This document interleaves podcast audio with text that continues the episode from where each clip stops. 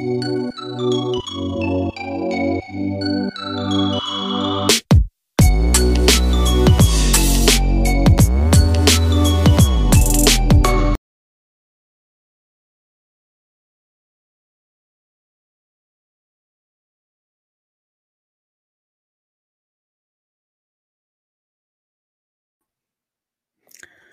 Hello, everyone. Uh, I am uh, now live from my uh, current um, Corona bunker at home.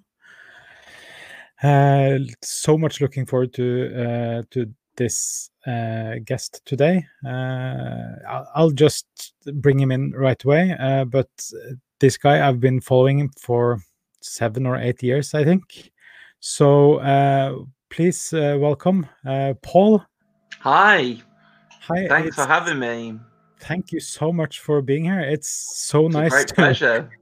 it's so nice. Got some time on my hands. Yeah. so, uh, first of all, I, as as I said in the intro, I've I've been following your podcast for like I think seven or eight years now. Amazing. And I feel like I know you, uh, but uh, for all the people listening that haven't uh, listened to you speak for the last uh-huh. seven to eight years, can you introduce yourself a bit? Uh, yeah, sure. My name is Paul. I am a, a, psychotherapist in the UK, in Birmingham, in the UK. I'm a Manchester United fan, and about 10 years ago, um, me and uh, my oldest childhood friend, funnily enough, um, uh, he had a website called United Rant um, which was at one point like a pretty massive United blog in the very early days of hmm. blogging. Mm. Um, and uh, he it went away for a while and then it came back and I'd been listening to the Guardian Football Weekly a lot and so I said to him you know what we should start a podcast well what I actually said to him is you should start a podcast and I offered to be a guest on the first week's episode and 10 mm. years later and I don't know hundreds and hundreds and hundreds of episodes later I'm still the like one person co-hosted one other episode. I think the third or fourth episode, but otherwise, otherwise it's been me and him the whole way. Yeah. Well, what what what has been your greatest kind of takeaway for being?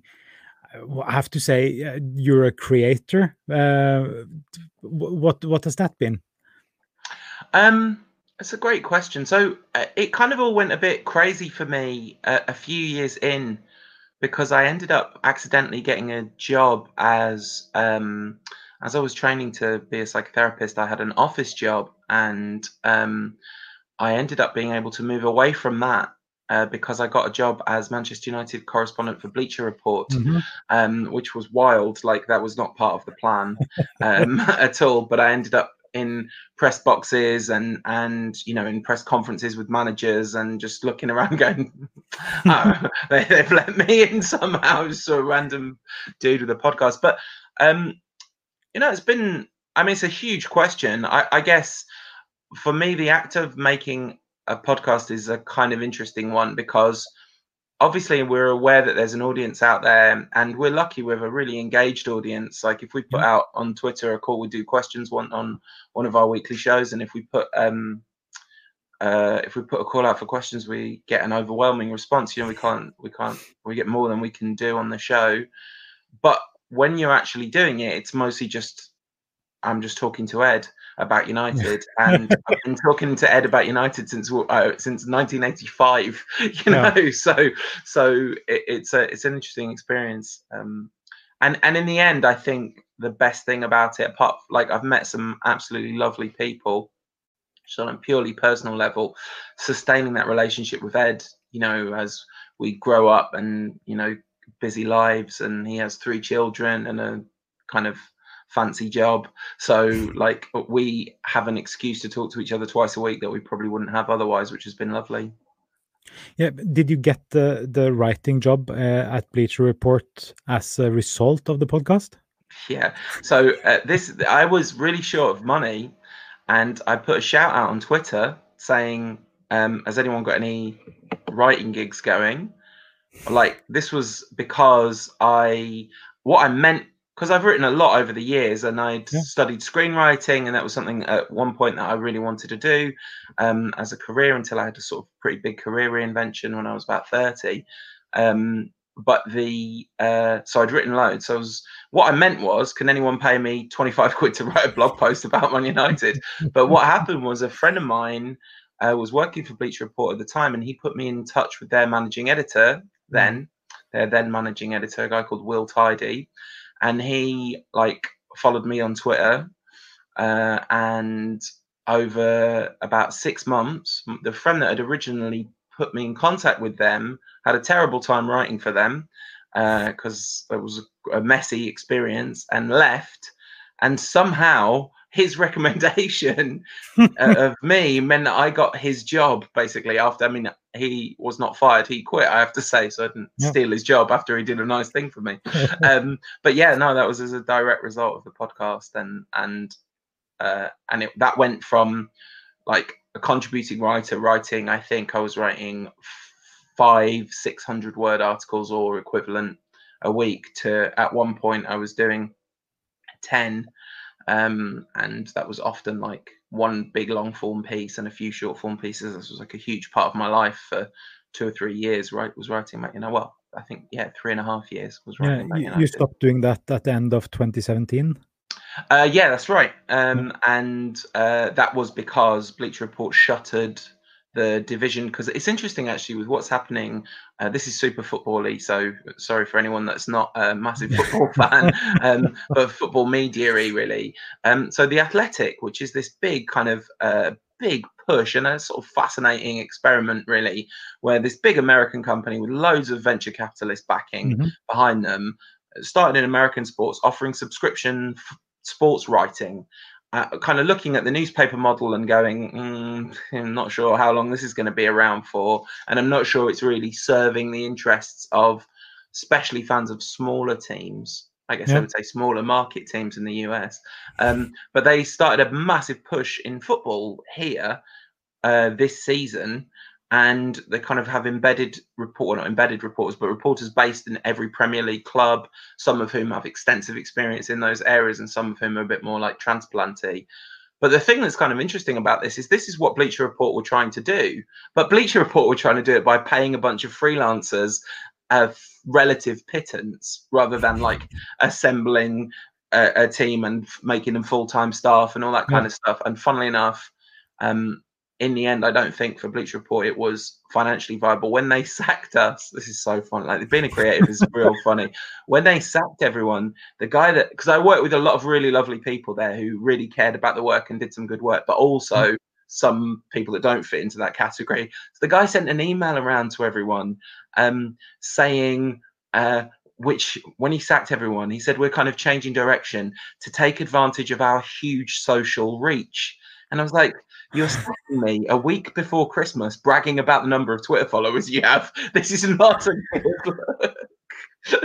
um, anyway, that uh, in in my life, like fortunately, I never wanted to be a football writer. It was genuinely something because I was working. I'd started to work, and so we're in my therapy room right mm-hmm. now. I'd started to to practice in my own private practice. And people used to ask me, "Oh, are you going to go football right? Are you looking to go football writing full time?" And it's like, "No, I'm looking to be a full time psychotherapist." And the the football writing meant that I could start to offer people flexible sessions, and I didn't have to keep office hours, and it was invaluable, enabling me to start my own practice, which is what I really cared about. So your presence on Twitter gave you the opportunity for a lifetime and yet you uh, you're not on Twitter right now, are you? No, and I think there's there's two things. So one, yeah. I think that I genuinely don't believe that you could get the job that I got or the equivalent by a mate recommending you from Twitter now without a pre-existing profile. I know it's only it was only 2014, but the landscape's changed a lot in six years. I, I was talking to a friend of mine who I guess should probably remain nameless, who said we'll be the last the last group that get writing jobs, not least of which because there are just no like don't don't try and be a writer, learn to make video. Like, you know, that's that's yeah. the, the kind of you know the advice that I would give anyone in that in that situation unless you're unbelievably passionate about writing and prepared to write about basically anything for basically anyone. Um, for basically nothing. Uh, yeah, yeah. Although, I mean, yeah, I, I, think there is still a living to be made, but it's a hard living to be yeah. made. I and, think, yeah, for for for a writer right now, because uh, I I run my uh, my own agency uh, in Norway. We have uh, 14 employees. I think that for being uh, for me employing another text writer they would also need to have like vast amounts of competency within SEO or ad copywriting or anything like that because if if you don't have that as of now i th- i think you should try to do something else or at least try to get competency within that that and that that's what I would say. It's rather than like do something else. I was kind of joking about like mm. uh, s- start making videos, but actually learn to get comfortable talking in front of a microphone, talking in front of a camera. Yeah. Le- genuinely learn to edit video because if you can if you can watch this live stream, you can learn to edit video. It's not yeah. hard.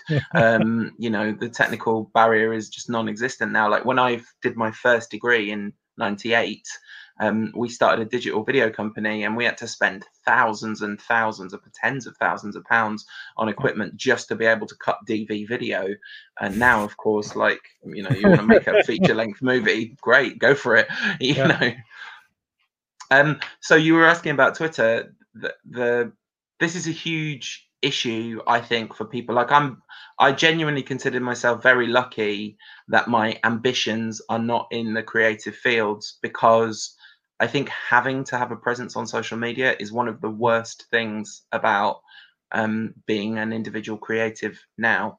Like, if you are somehow in a position where you can be a creative and not have to be on social media, oh my goodness, that is an incredible blessing because I genuinely think, I think it doesn't, it's, it's really complicated and it's not equally the same in all industries and across the boards. But I think Twitter in particular is just fundamentally a destructive medium and I'm not even talking. So when you work in football, yeah. football is just a toxic hellhole. Yeah, really, really. Um, yeah, and that's that's fine. Like that's that's well, not fine. It's awful, but um, yeah. but that is what it is. But I actually think the um, so from a kind of mental health perspective, um, we are not wired to consume tiny bites of information over and over and over and over and over and over again. The reason I deleted my Twitter account the uh, first time around was because I'd always kind of thought, well, once I don't have this Bleacher Report job, I don't need to have a Twitter account. The podcast is sustaining, and and at the time, certainly, we weren't even really trying to grow the podcast. We were just doing it because we liked it. We mm. had an audience that was fine for us. We made enough from Patreon to pay for hosting, to give Tom some money, to like, help a little bit with the rent money, things like that. Um, but we weren't looking to particularly grow. Um, so I was delighted to be able to delete my Twitter account just because of the kind of bombardment of toxicity and negativity. And for me personally, uh, one of the things that I always found most difficult, this is just this is a personal thing, yeah. just being being misunderstood, which happens all the time. Like when you write about football, most of the time what you write about gets misconstrued, misunderstood, and I would just mm. find that really tiring personally because it's it's a thing I don't really like. Um, but ultimately, I actually think Twitter is just a, like I said, I think it's a fundamentally destructive medium because those kind of repeated parcels of other people's lives and other people's thoughts and the kind of intense schizophrenic nature of like one tweet about someone in a personal crisis followed by a tweet about football followed by a funny joke followed by and this is you're processing this at lightning speeds. So i'm mm. not even talking about the toxicity of what you receive I'm just talking about using the med a medium which is like is has information overload baked into its kind of fundamental fabric. So yeah, I feel very lucky not to have to use it. Yeah, yeah, I I use Twitter like this much, uh, mostly just posting my auto auto posting my Instagram posts also to to Twitter, but uh, in in Norway, Twitter is quite small. Uh, it's just basically uh, if you if you are a journalist or if you want to speak to a journalist, you use Twitter. Uh, basically not that much else. But what's your favorite social media then, if uh, if you have one? Um, yeah, I mean, I guess I I uh, I like Instagram best mm-hmm. because mm-hmm. I find it really easy to curate and um, there's something nice about the delineation between Instagram stories, which I think fit very much into that bubble of information overload and you know, yeah, the the kind of daily activity and and the the fact that people do tend to curate what they post on their actual Instagram feed. Now, at the moment, I'm trying to minimize uh, contact with it generally speaking because i'm pulled between feeling an intense desire to like connect with people and be engaged with my friends and and make up for the fact that you know literally can't leave the house. Yeah. Not quite literally but near enough. Oh, certainly can't yeah. certainly can't leave the house for social reasons. Um and wanting to retreat a little bit away from the barrage of fear and pain and you know just the huge background levels of anxiety, which I feel like you kind of do need to somewhat distance yourself from for your own good, really.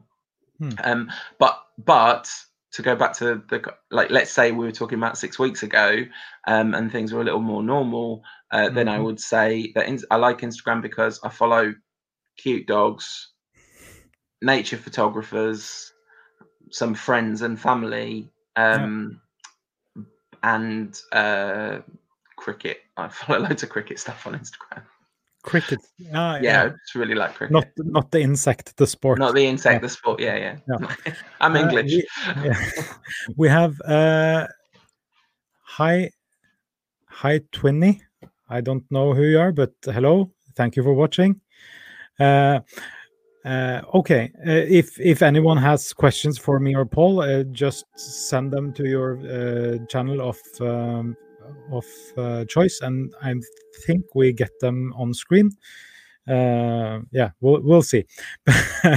but okay, when when you had the job at Bleacher Report, you had to produce quite a lot of text, quite uh, quite quickly. And and in in football also you have um, it's like uh, news in football they become old quite fast. How how did you do that? How did you do that?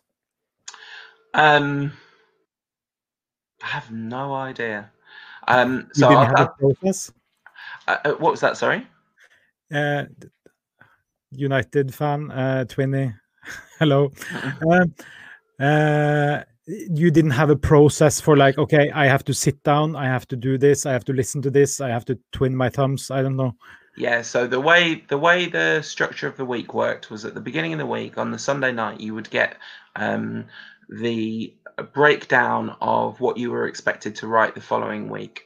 Sometimes their seo team because they were very proud of having a predictive seo model whereby mm. they reckoned they had a good way of tracking what would be peaking at various different points. And that was successful sometimes and not other times. So you would have some things which were like, okay, on this day, you're going to write eight, you write a, a listicle about uh, Angel Di Maria stats or whatever. That's what I remember from like 2014 and 2015.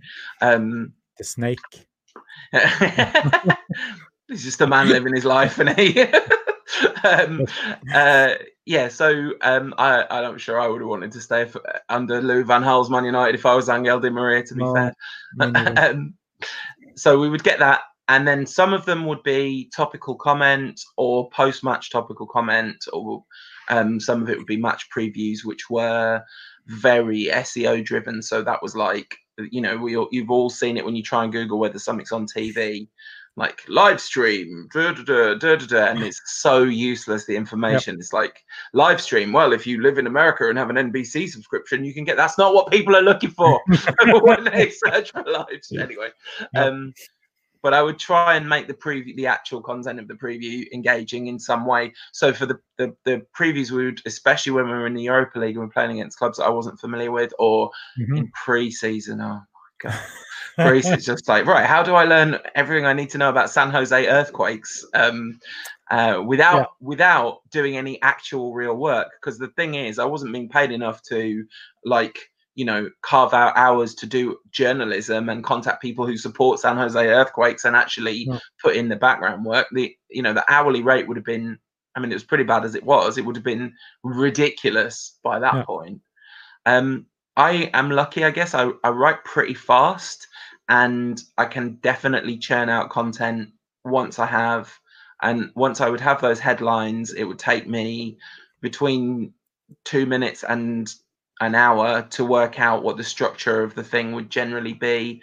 I'm really bad about um, being disciplined about structure, which if you read my work from that time, you'll be like, oh yeah, he's really bad about being disciplined about structure because it's one of the weaknesses of the work.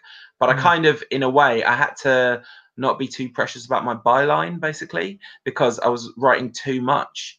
So um, 10, 600 words, that's 6,000 words a week. And often it would be more than that because you know if you're doing a, a slide show yeah i yeah um, i could just write the absolute minimum but but they they it was quite it's quite challenging because they also had like these content standards behind the scenes. So you would put the stuff on the CMS, and then their sub editors would read it, and their content standards people would read it. So they were all kind of, like the sub editors was just the the style guides and things. I mean, I say yeah. just that there's I'm really good friends now with one of the sub editors from then, so you know that was fine. Um, but the uh, the content standards was like they had very strict rules about quote attribution, and you could really tell there was kind of an American background to it because you could see there was a kind of hyper awareness of the threat of litigation and also they were very clearly trying to position themselves as not journalism i think but kind of um, coverage so you had to find other journalists to quote unless you had the first party source which first party quote which i did occasionally mm. um, but in my process was genuinely after you get the headline in if it's a topical comment comment in the morning, you come up with something, you email the the their content team, they say yes or no. Um, then I'm sitting down for two hours to write 1,200 words or an hour to write 600 words, really. Yeah, and but I'm I'm guessing also that uh, after a while, uh, things go easier because when you've done it a couple of times uh, it's you kind of i've i've been re- i've been writing some uh, articles on my blog lately. And when i've done it a couple of times like writing a writing a guide for google ads for instance it's the structure is quite the same as writing a guide for facebook ads. It's you get it in your fingers and then okay then i have to have something regarding this. And so some at least uh, i'm thinking or i'm guessing the listicles and some of the the different kinds of topics are quite after a while easier at least to to churn out yes, there was definitely stuff which became like automatic and easy. And of course, that was not the fun stuff. The fun stuff was when I could write a 1200 word article about something that I cared about. Yeah. One of the really yeah. difficult things you mentioned the, the news cycle moving. One of the big problems at United, um, why I'm very glad the job ended when it did. In a way, although I was not so glad at the time because uh, it was a big, big sudden shortfall. Um, but the um, uh, the story just became so samey. Like in a way, I was kind of lucky because um, so uh, Moyes was the manager when I took over. I was there for the whole of Van Gaal and Mourinho. So so there was a lot of like, always going to get? yeah, yeah. I mean, it's terrible timing, absolutely terrible timing. But I guess on the other hand, just be like, United won again, aren't we great? Which would have been before that. Um, but the uh, so there was a lot of kind of newsy stuff. Of course, the big problem if you want to write interesting things about football is that people care much much much less about football than who their club's going to be interested in i mean the the kind of like i would write a 1200 word analysis of something that i thought was like maybe kind of insightful and maybe had something to say that was mm-hmm. maybe a value and i would really think about the prose and i would make a yeah. big effort and that would get you know a quarter of the reads of six players United could sign in January to fill their midfield. You know, gonna uh, sign Schneiderlin. Uh, no, Wesley Sneijder, of course. Yeah. Oh yeah, and, yeah, and yeah. Schneiderlin in my time. Yeah, yeah. We did actually sign Schneiderlin, yeah. and I, I wrote about how great that was. oh my! Honestly, the archives of outrageously bad shouts that I've made, like so many bad predictions. What what would you say is the the worst uh, predictions or ideas you've ever had? Uh, Danny Welbeck will be Louis Van Gaal's secret weapon. I can't find that one anywhere. I, have tried to Google it, but I definitely wrote it. I remember writing it because I was absolutely convinced that Welbeck would be ideal for. And I, I still retrospectively think he made a huge mistake. Welbeck's been hugely injury hit, but United really lacked for link-up players around the box yeah. to make Van Gaal's system work. And Van Gaal like looked at the numbers and went, Welbeck doesn't score any goals, but he should have been he should have been looking at I need someone coming in off the left who's going to actually move the ball quickly and and mm. create movement and confusion among defenders. Anyway, uh, there's me defending my worst ever shout. That was pretty bad.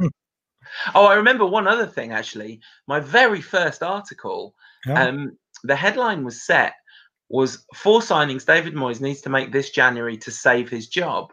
Yeah. And I emailed back saying, I don't want to say to save his job. His job's not in any danger. he did not make it past April, but I genuinely thought it was outrageous at that point to suggest that United might sack Moyes in his first season because it was so, you know. Yeah, but, but that was that was also quite uh sudden not not sudden i wouldn't say sudden but it was quite unheard of for united to do something like that. So yeah. yeah. Yeah. So I, I in retrospect it makes sense that i made the bad shout. I was also absolutely convinced that uh, when United's form clicked under Van Gaal in his first season, that that was going to lead to a sustained period of excellent yeah. football under him.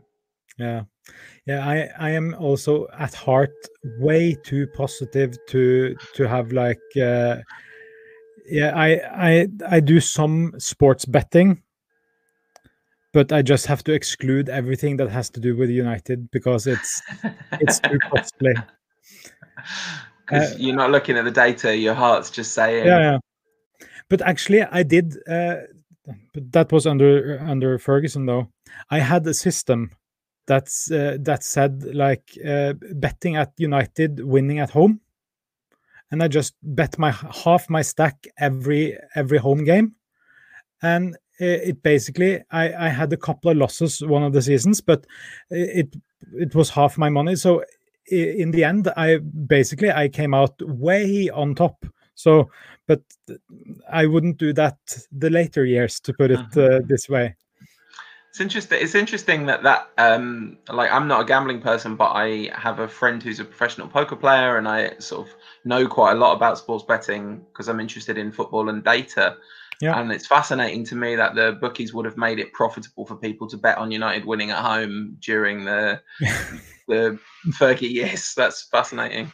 Yeah, but okay. Uh, uh, the the job you have now, how would you say uh, what you have done? Like, I might be be wrong on this, but I am guessing that you uh, talking to Ed on your podcast would actually have prepared you for some of the challenges uh, as a psychotherapist because he's out of his mind sometimes yes but but, but how, how do you uh, how do you think uh, like you you also you're you're a content creator you talk to a lot mm. of people mm. how do you think that influences your day job well i'm not sure that it influences the day job, but I think it shares skills. So I definitely think yeah, I'm a much I'm a much better I'm a much better. In fact, I think it's mostly the other way around.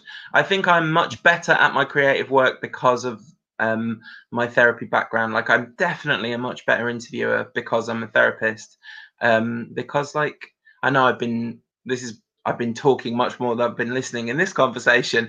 Um, but generally speaking, especially if I'm interviewing someone, then I have no problem listening to them and responding appropriately and adapting and and really making it about them. Like that's completely natural because I do that all day, every day.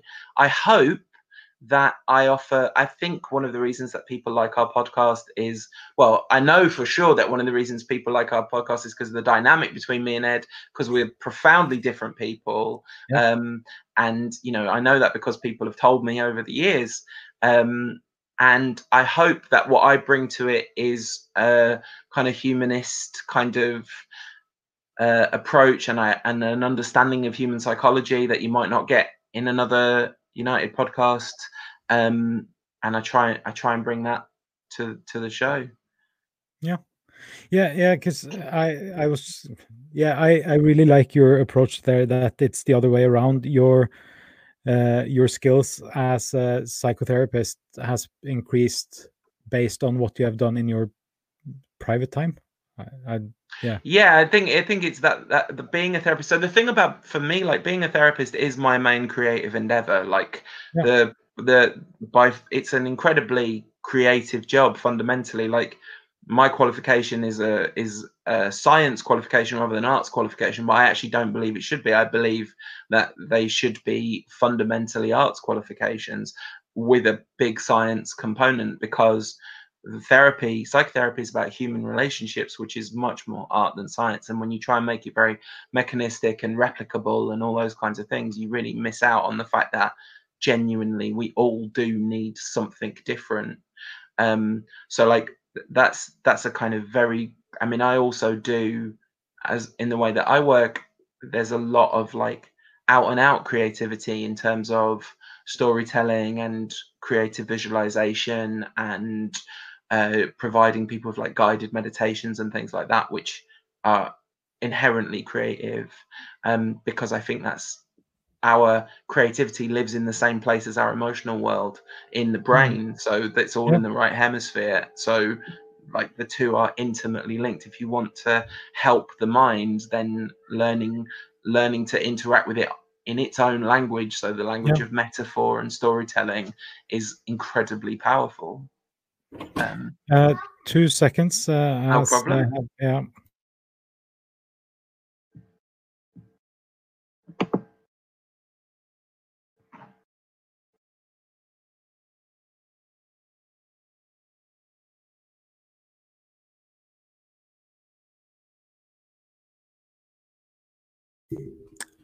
Well, I'm back. I'm mm, so sorry. Uh, we have uh, i have uh, two kids age six and nine and they're of course not in school. So um, uh, i have to uh, homeschool uh, and now she was done with some assignments.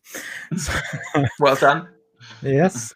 Well uh, would you say that you um, you rather move towards order in your uh, in your daily life or uh, chaos? Like oh very straightforward easy question for me. Order every single day. I think the myth that chaos breeds creativity i think is is fundamentally a myth. I think um, the best thing to maximize your creative potential is to maximize your potential as a whole.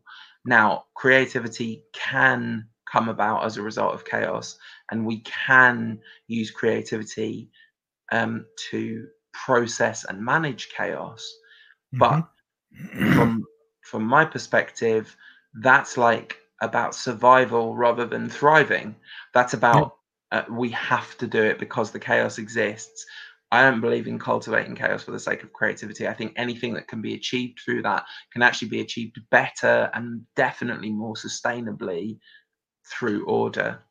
Yeah. Um, a beautiful analogy, football analogy for this is Mourinho, right? So Jose Mourinho believes in management through conflict, and so yeah. will never, ever, ever, ever, ever be able to be a sustained success anywhere because he burns bridges, and yeah. he might get a little period of success, and he might be remembered as a great manager. But I strongly suspect he'll that will all be tarnished by the fact that the second half of his career it all stopped working. Um, so yeah, order every day. Order creates peace, and peace is the best condition to create from. If you don't have the opportunity for order and peace, then creativity is a beautiful way to help get yourself out of chaos and help understand and process and manage it. But um, yeah. Uh, do you have any systems or uh, tips to creating more order within your own life then? Oh yeah, wow. That's a great yeah, loads. How long you got? Um yeah. Uh, so one of the things is is to make your home environment as peaceful and orderly as possible. So, you know, it's really simple, but a place for everything and everything in its place is a beautiful rule um, mm-hmm. because that's the best way to create a sustaining environment. Um, some people believe they thrive on chaos but in my opinion that is a misguided belief. And i mean physical chaos they like being in a mess when they create because they feel like that removes the restrictions. But actually if you have space and cleanliness and order around you there are no restrictions in place from that. Like you should be able to mess the place up. Like that's that's really important Yes. but you putting it back together. So that's that's one thing. And structure and time. And listen when certainly when i was writing this is something that i'm much better at preaching than doing because i was fitting in writing jobs around seeing clients and things like that. So it was difficult but i would I would at the beginning of the week diarize like, okay, I'm going to write this here, I'm going to write this Yeah, here, I'm going to write that there. time, time blocking. Exactly. Yeah. Um, I love it. yeah. I think it's. I think I don't know how you do it without it. Really, if you're trying to, if you've got a lot of freedom in the schedule, you might not need to do it. But even then, it's probably best to do it. And just simple daily rituals like you know some meditation, some making sure that you try and stick to a reasonable routine around well definitely a good routine around sleep is crucial it's particularly crucial at the moment What what would you say to the people that says, "Well, I don't need that mu- that much sleep. I can, I can Mhm. actually uh, work on much less sleep." Well, some people can definitely work on much less sleep, uh, but just make sure that you're that the word work doesn't mean I can cope on much less sleep. If you're genuinely thriving physically and mentally, then that's fine. But if you're just coping, then you could probably then sleep is sleep is unbelievably useful and powerful and restorative. It's also incredibly good for your immune system, which is important now. Yeah, yeah, of course. Uh, okay, so do you use any sort of um, uh, lists or software or tools to help you stay in control of your life? No, only Google Calendar. That's Google like Calendar, that's yeah, yeah. So I, I have my life mapped out on in terms of my working life and well when I when there was still a social life a social life Yeah, all that stuff was blocked in and yeah.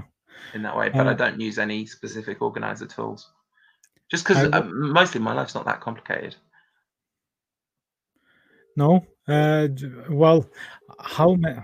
Okay, I might be on very thin ice here, but how many people really have very complicated lives? Some people, I guess, would feel like it's complicated, but Mhm. in as a matter of fact, most most lives are not complicated. They just feel complicated. um yeah that's possibly true but I think if you work 80 hours a week and have three children, your life is definitely needs more management than mine does. As you have less room for Yeah, yeah, maneuver than I do. yeah. Okay. Uh, well, uh, that's why I said complicated, not hectic. Because Yeah, yeah, yeah. I guess I guess I'm I guess I'm I'm using complicated as a shorthand for hectic. Uh, yeah. because Okay. actually I would say my life is probably quite complicated in in terms of the various different aspects of complexity. Um, but it's you you can make anything more simple, and it's a good idea too as well. I I use uh, OmniFocus. Right. Uh, have you have you tried it? Have you seen it? No, I don't even know what it is. Uh, OmniFocus. It's one of the best task managers there is ever. It's also it's connected to your calendar, so when you block off time, you you get that into it. But everything that needs to get done, you just you take it away from your mind and you put it into your inbox. You, you have Mm, like your own inbox with every task that you need to do. And instead of using uh, brain capacity on going around remembering everything that you need to do, you just take a load off literally and put it into your system. mm. So Then how far do you extend that? Like, do you do you do that with kind of basic daily management tasks like eating and washing up and doing the laundry and those kinds of things? uh, eating, no. Uh, like I, I have my OmniFocus in front of me now. I have um, write article. Uh, what is an ad company? Uh, that's one thing I need to do, uh, and then I can tag it with it's a to do item. And since everything is at home right now, um, it's also tagged at home. Yeah. but but you can you can kind of you can tag things like work and then when your gps reaches work then the task becomes viable because if it's something you need to do at a certain place you don't need to be bothered down with remembering that task when you're not at the place or the situation when you can actually solve it that's interesting. uh, and I have like changed changed the linens. Uh, remember to shower the kids. uh, uh, have a talk with a coworker of mine, and then the, here I can I can also I can tag all the people that are involved in a task. So if, for if me and you work together, for instance, I would task I would tag all the tasks that you had to be involved in with Paul. Mm. So next time we have a meeting, I would just pull up my OmniFocus and I would say, "Ah, Paul, ah, okay, I have four things." yeah, Uh, oh, great. yeah, and then you can have due dates, you can have defer until, you can have, uh, yeah, you can have recurring tasks because some things you do every week, some things you do every day, just to. And I love the the feeling of just ticking everything off. It's amazing. What what's the promo code? No, if, if you want, please come to me and uh, we'll make a deal. Uh, no, it's I, I love it. But any kind of task management program that I can do stuff like that with, I love it. And OmniFocus is the best thing I've found so far. Do you feel like it frees up space in your brain for creativity? Yes, b- brain Mm, space. It's because because like I need to go around uh, remembering all sort of things that it's not actually necessary for me to go if there's something for instance uh, once every month my company has like um, a gathering where we go through okay what's happened last month? Uh, what are we doing next month? Is everybody happy? And we it's it's very nice. But if i think about ah maybe i should say something about this and this then i can just add it to my omnifocus and i can forget it Yeah. and then I don't need to use brain space on going around remembering it, It's which is very nice. It's interesting because one of the things that I definitely believe, this is related but different, Yep. is that emotional well being is an amazing agent for capacity. So, like, if you, most of us have, are carrying a degree of either overt or subtle pain as a result of the consequences of our particularly our early lives. Like Mhm. most people with the best will in the world don't get everything they need when they're children. Like that's because it's really hard to give a child everything they need. It's pretty much impossible. Um, so most of us are, are carrying stuff with us and i've certainly found my own experience is that the more i've dealt with my stuff the more capacity i have so like there's Yeah. definitely a time in my life where there's no way i could have written thousands of words every week because i just didn't have the mental capacity to be okay enough Yeah. to do it and i definitely think like one of the things i think a lot of creative people fear when it comes to things like therapy in particular is that if you do something like that your creativity might go away or your creativity might diminish because actually your pain is a tremendous source of inspiration and motivation for creativity. But my experience both on the receiving end and as someone who's worked with a lot of creative people is that actually you thrive your creativity there's more room and your work might change um, but it's not going to be less meaningful less impactful and you certainly won't have more in, less inspiration less No. drive to produce Yeah, I I feel like no, I don't feel. I think different.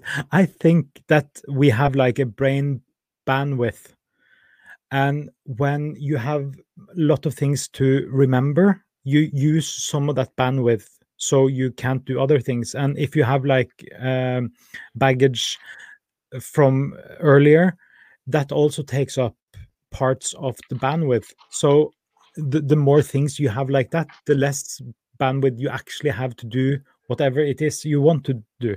Yeah. And that's that's another reason why I kind of go for order over chaos every day because I think chaos I don't think I'm absolutely certain that chaos uses up bandwidth. And I think, you know, creativity is very specific and artists in particular. So you know, there's a difference, right, between a creative and an artist.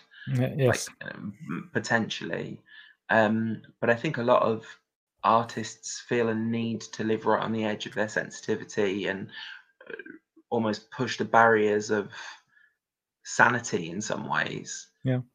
And I've always felt looking at those people, there's another way to make amazing art. like if you have the, the the gifts and capacities that you have, what you could do if you were well would be extraordinary. You know, Yeah. and that's that's not to diminish the incredible art that is made out of pain, because that's obviously huge. Have you seen uh, Doctor Who with uh, Van Gogh episode? No, Okay. Um, have you ever seen Doctor Who? I'm guessing. I mean I've seen some episodes of Doctor Who. Yeah, I'm yeah. not a, not a massive Doctor Who person, but Okay. Um, me and the kids, big Doctor Who people, and Great. they have. Uh, there is this ep- one episode where they go back in time and visit Vincent van Gogh, and see the pain and chaos within him. And the, the the actor who portrays uh, Van Gogh is so amazing at doing this. Mm, and and the the the pain he is feeling and and you just want to help him so that he can continue to produce and get well. But it's yeah. Okay this suddenly turned very dark uh, or not dark but, yeah. but okay let's let's go over to lighter uh, lighter things. Uh, is there three things you you can't do without in your life? Yeah. Uh, water.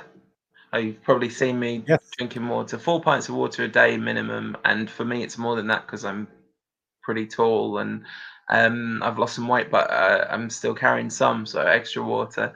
Um, so I'd say that this is the number one thing uh, that I can't do anything that I do without. Um, uh, what kind? Because I could answer this in lots of different ways. What Yes. what kind of things do you mean? whatever way whatever thing you you like uh, are you addicted to your phone do you have a certain blanket you need to get sleep i don't Oh, know okay. Uh, no, I reckon. Um, I reckon that. Yeah, well, I'm definitely addicted to my phone, but that would be. I'd be happy not to be. So Yeah, that yeah. that would be fine. Um, because I really liked being addicted to anything. Um, so yeah, I, I would say uh, the support of, in in my case, my my supervisor in in practice. I Mhm. would be really in. I would not relish being without that. Um, and um,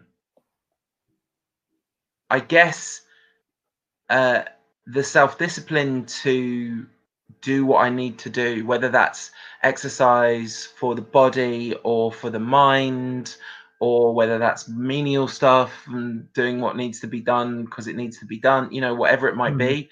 Like the thing that I'm really grateful for is it's not perfect by any means, but I do have a significant amount of self discipline to draw upon when I need it. Oh, cool. Uh hi orillamas 111 uh nice that you're also watching. Uh okay I, d- I, I saw your phone but i didn't catch is it uh, do you are you an android guy or an iphone guy? Yeah, I've got a cracked iPhone 6 here for work. Um, that and I've got a, a Pixel 3 XL. Ah, okay. Um, so both, but most Android.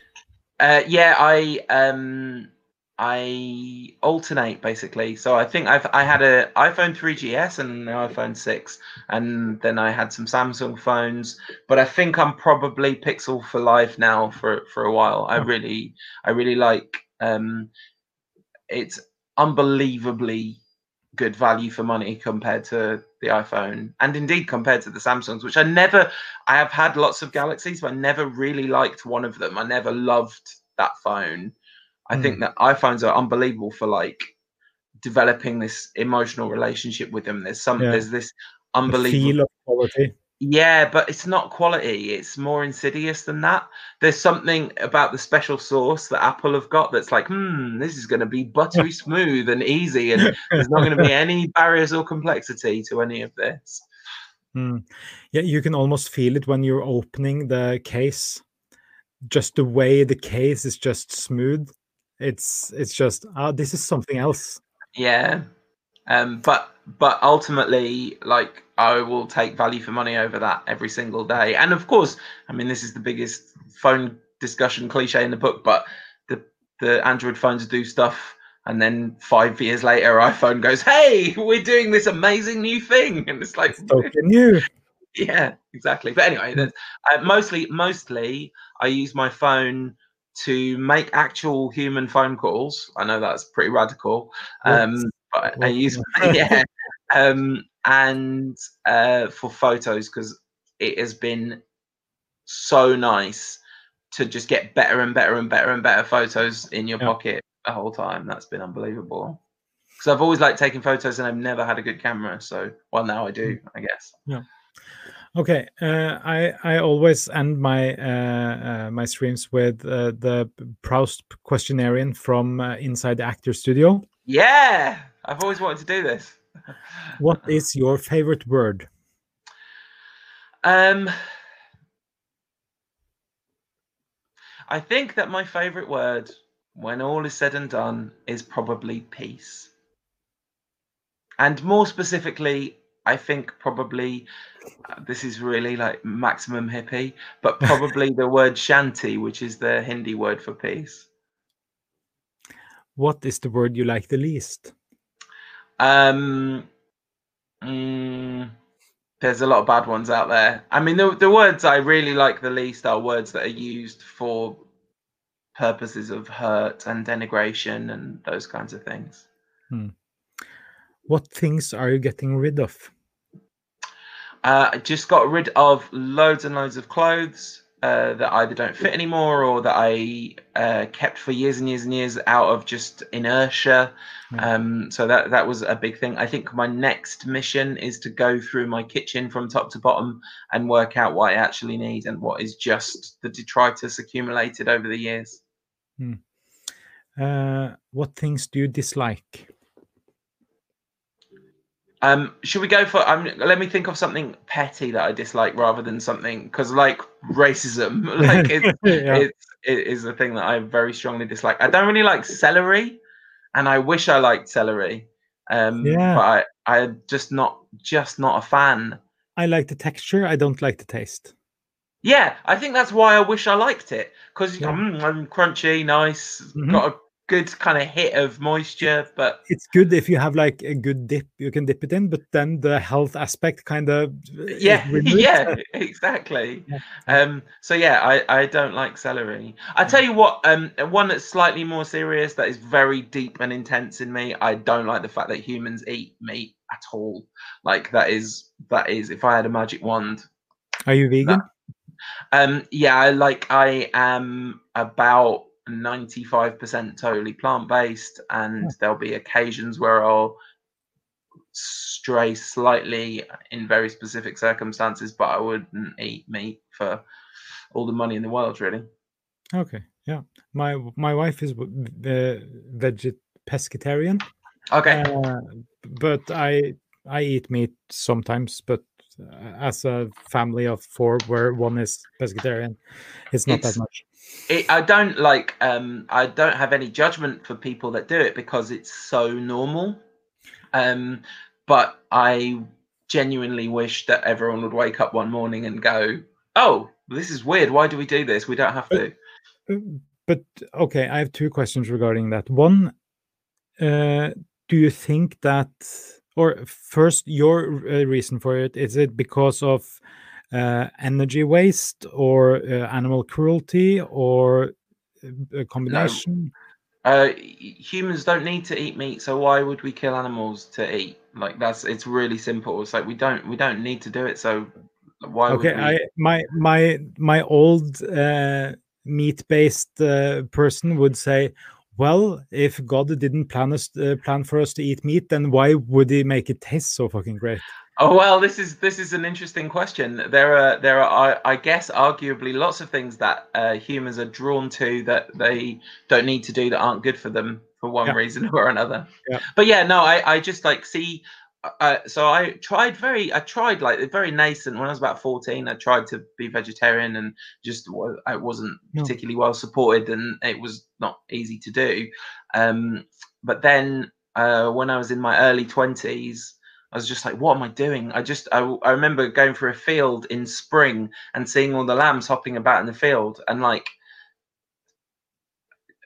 it, there's a there's a cognitive disconnect for me of like, well, th- this seems like something we should look after and protect and be kind to, not something we should kill and cook. Mm. like, it doesn't Yeah. matter if it's delicious; it it's lovely, so let's leave it to it, kind of thing. Yeah, yeah th- that sounds like your inner uh, hippie coming through. Yeah, Well, I, I kind of feel like that isn't actually, and I think I feel like it's that's the thing that I dislike. I guess it's to me, it's really sad that that isn't just a global, universal opinion. yeah, Anyway. yeah. And I, I think I think you, uh, if if we if me and you uh, jumped like a hundred years in the future, I think us killing animals and eating meat would be something that people hundred years in the future would look back and say, "What the fuck were they doing? Didn't anyone?" Didn't they know? Didn't they understand this? But Mhm. yeah, I don't know. Yeah. Uh, what's your favorite sound? Uh, running water, like running water in almost all its forms: stream, waterfall, rain on a window, like just the, the waves crashing. Running water. What sound do you hate? Um, I, um, I don't love polystyrene squeak, but I don't hate. I know I definitely know people that hate it a lot more than me.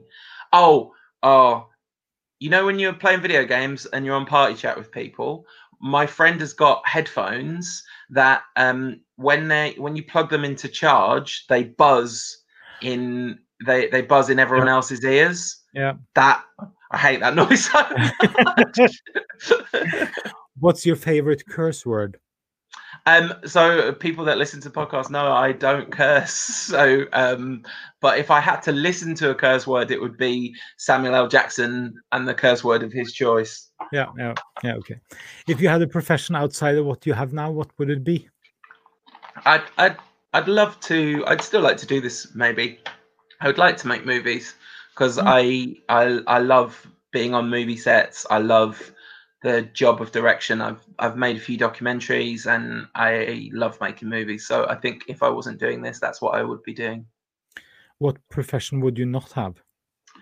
uh, anything in the meat industry, um, anything like butcher, abattoir, anything like that, I couldn't Yeah. do. Um, but also anything in the gambling industry as well. Like that's that that would be out for me. If heaven exists, what would you have God say to you when you get there? Uh, huh.